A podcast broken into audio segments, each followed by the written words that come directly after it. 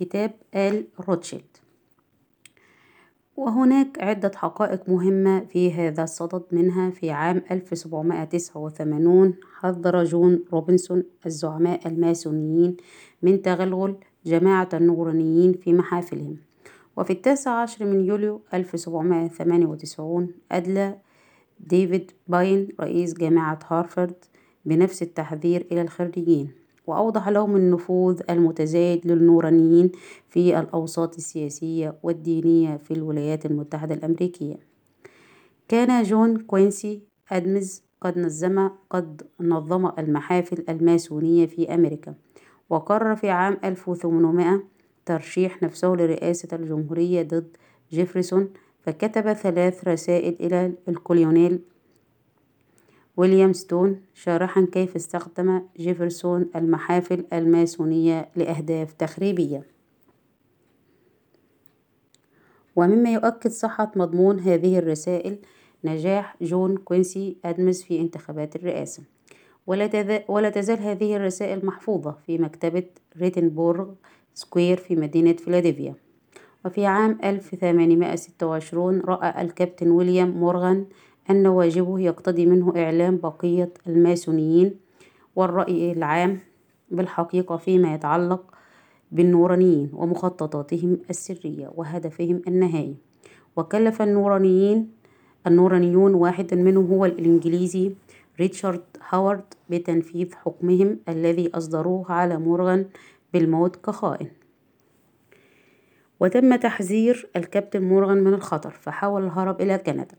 ولكن هاورد تمكن من اللحاق به بالقرب من الحدود حيث اغتاله على مقربة من وادي نياغارا وعثر التحقيق على شخص من نيويورك اسمه أفري ألين. أقسم يمينا أنه سمع هاورد وهو يقدم تقريرا في اجتماع لجمعية سرية في نيويورك اسمها فرسان المعبد حيث شرح في هذا التقرير كيف نفذ حكم الإعدام بالكابتن مورغان. وأفاد كيف اتخذت اتخذت الترتيبات لنقل القاتل بعيدا إلى إنجلترا. ولا يعلم سوى القليلين اليوم أن هذا الحادث قد أدى آنذاك إلى استياء وغضب ما يقرب من أربعون بالمائة من الماسونيين في شمالي الولايات المتحدة وهجرهم للماسونية. ولدى نسخ عن ولدي نسخ عن تفاصيل محاضر اجتماع ماسوني كبير عقد آنئذ لمناقشة هذه الحادثة. ويمكن تصور حجم نفوذ القائمين على المؤامرة الشيطانية بالإشارة إلى الكيفية التي تمكنوا بها من حذف أحداث خطيرة كهذه من مناهج التاريخ التي تدرس في المدارس الأمريكية. وفي عام 1829 عقد النورانيون مؤتمرا لهم في نيويورك. تكلم فيه النوراني إنجليزي اسمه رايت وأعلم فيه المجتمعين أن جماعتهم قررت ضم جماعات العدنانيين والإلحاديين وغيرهم من الحركات التخريبية الأخرى في منظمة عالمية واحدة تعرف بالشيوعية وكان الهدف من هذه القوة التخريبية التمهيد لجماعة النورانيين لإثارة الحروب والثورات في المستقبل. وقد عين روزفلت الجد المباشر لفرانكلين روزفلت وهوارس غريلي وتشارلز دانا لجمع المال لتموين المشروع الجديد. وقد مولت هذه الأرصدة كارل ماركس وإنجلز وإنجلز عندما كتب رأس المال والبيان الشيوعي في حي سوهو الشهير في العاصمة الإنجليزية لندن. وفي عام 1830 مات وايزهاوبت بعد أن ادعى أن النورانية ستموت بموته. ولكي يخدع مستشاريه الروحانيين. تظاهر بأنه تاب وعاد إلى أحضان الكنيسة. وهكذا في الوقت الذي كان فيه كارل ماركس يكتب البيان الشيوعي تحت إشراف جماعة من النورانيين. كان البروفيسور كارل ريتر من جامعة فرانكفورت يعد النظرية المعادية للشيوعية تحت إشراف جماعة أخرى من النورانيين. بحيث يكون بمقدور رؤوس المؤامرة العالمية استخدام النظريتين في التفريق بين الأمم والشعوب بصورة ينقسم فيها الجنس البشري إلى معسكرين متناحرين ثم يتم تسليح كل منهما ودفعهما للقتال وتدمير بعضهما والمؤسسات الدينية والسياسية لكل منهما.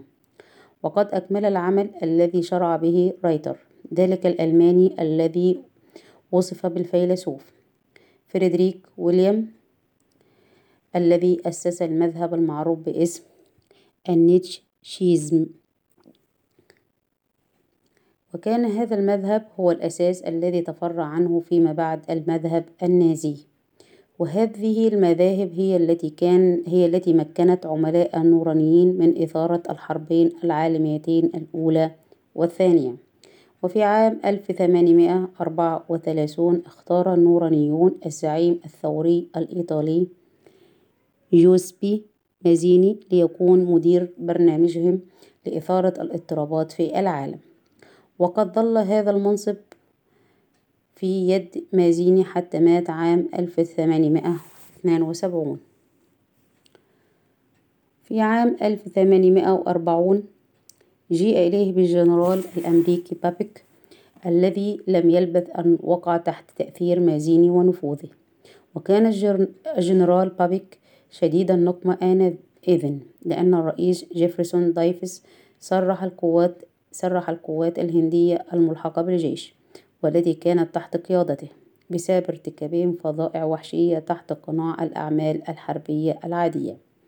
وتقبل الجنرال بابيك فكرة الحكومة العالمية الواحدة.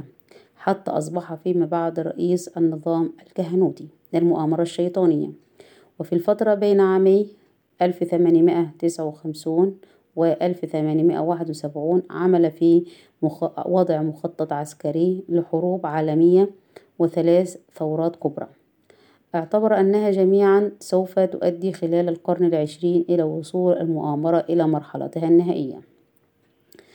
قام الجنرال بايك بمعظم عمله في قصره في بلدة ليتل روك في ولاية أركنساس عام 1840 وعندما أصبح النورانيون ومعهم محافل الشرق الأكبر موضعا للشبهات والشكوك بسبب النشاط الثوري الواسع الذي قام به مازيني في كل أرجاء أوروبا أخذ الجنرال بايك على عاتقه مهمة تجديد وإعادة تنظيم الماسونية. حيث أسس مذهبية جديدة وأسس ثلاثة مجالس أسماها البالدية الأولى في تشارلستون في ولاية كارولينا كارولينا الجنوبية في الولايات المتحدة والثاني في روما بإيطاليا والثالث في برلين بألمانيا. وعهد إلى مازيني بتأسيس ثلاثة وعشرين مجلسا سنويا تابعا لها موزعة على المراكز الاستراتيجية في العالم. وأصبحت تلك المجالس منذ إذن وحتى الآن مراكز القيادة العامة السرية للحركة الثورية العالمية. وقبل إعلان ماركوني اختراعه اللاسلكي بزمن طويل كان علماء النورانيون النورانيين قد تمكنوا من إجراء الاتصالات السرية بين بابيك ورؤوس المجالس المذكورة. وكان اكتشاف هذا السر هو الذي جعل ضباط المخابرات يدركون كيف أن أحداثا غير ذات صلة ظاهرية مع بعضها تقع في أمكنة مختلفة من العالم. وفي وقت واحد فتخلق ظروفا وملابسات خطيرة فلا تلبث أن تتطور حتى تنقلب إلى حرب أو إلى ثورة. كان مخطط الجنرال بابيك بسيطا بقدر ما كان فعالا. كان يقتضي أن تنظم الحركات العالمية الثلاثة الشيوعية والنازية والنازية والصهيونية السياسية وغيرها. من الحركات العالمية ثم تستعمل لإثارة الحروب العالمية الثلاث والثورات الثلاث. وكان الهدف من الحرب العالمية الأولى هو إتاحة المجال للنورانيين للإطاحة بحكم القياصرة في روسيا. وجعل تلك المنظمة معقل الحركة الشيوعية الإلحادية. وتم التمهيد لهذه الحرب باستغلال الخلافات بين الإمبراطوريتين البريطانية والألمانية التي ولدها بالأصل عملاء النورانيين في هاتين الدولتين. وجاء بعد انتهاء الحرب بناء الشيوعية كمذهب واستخدامها لتدمير الحكومات الأخرى وإضعاف الأديان. أما الحرب العالمية الثانية فقد مهدت لها الخلافات بين الفاشيستيين والحركة الصهيونية السياسية. وكان المخطط المرسوم لهذه الحرب أن تنتهي بتدمير النازية وازدياد سلطان الصهيونية السياسية حتى تتمكن أخيرا من إقامة دولة إسرائيل في فلسطين. كما كان من الأهداف تدعيم الشيوعية حتى تصل بقوتها إلى مرحلة تعادل فيها مجموع قوى العالم المسيحي. تم إيقافها عند هذا الحد حتى يبدأ العمل في تنفيذ المرحلة التالية وهي التمهيد للكارثة الإنسانية النهائية. أما الحرب العالمية الثالثة فقد قضى مخططها أن تنشب نتيجة للنزاع الذي يثيره النورانيون, النورانيون بين الصهيونية السياسية وبين قادة العالم الإسلامي وبأن توجه هذه الحرب وتدار بحيث يقوم الإسلام والصهيونية بتدمير بعضها البعض. وفي الوقت ذاته تقوم الشعوب الأخرى بقتال بعضها البعض حتى تصل إلى حالة من الإعياء المطلق الجسماني والعقلي والروحي والاقتصادي. وفيما بعد أخبر الجنرال بابيك مازيني أن الذين يطمحون للوصول إلى السيطرة المطلقة على العالم سيسببون نهاية الحرب العالمية الثالثة. أعظم فاجعة اجتماعية عرفها العالم في تاريخه. وسوف نورد في مالي كلماته المكتوبة ذاتها مأخوذة من الرسالة التي يحتفظ بها في المتحف البريطاني في لندن بإنجلترا. سوف نطلق العنان للحركات الإلحادية والحركات العدمية الهدامة وسوف نعمل لإحداث كارثة إنسانية عامة تبين بشاعتها اللامتناهية لكل الأمم. نتائج الإلحاد المطلق وسيرون فيه منبع الوحشية ومصدر الهزة الدموية الكبرى. وعندئذ سيجد مواطنو جميع الأمم أنفسهم مجبرين على الدفاع عن أنفسهم حيال تلك الأقلية من دعاة الثورة العالمية فيهبون للقضاء على أفرادها محطمي الحضارات. وستجد الجماهير المسيحية آنئذ أن فكرتها اللاهوتية قد أصبحت تائهة غير ذات معنى. وستكون هذه الجماهير متعطشة إلى مثال تتوجه إليه بالعبادة. وعندئذ يأتيها النور الحقيقي من عقيدة الشيطان الصافية التي ستصبح ظاهرة عالمية والتي ستأتي نتيجة لرد الفعل العام لدى الجماهير بعد تدمير المسيحية والإلحاد معا في وقت واحد.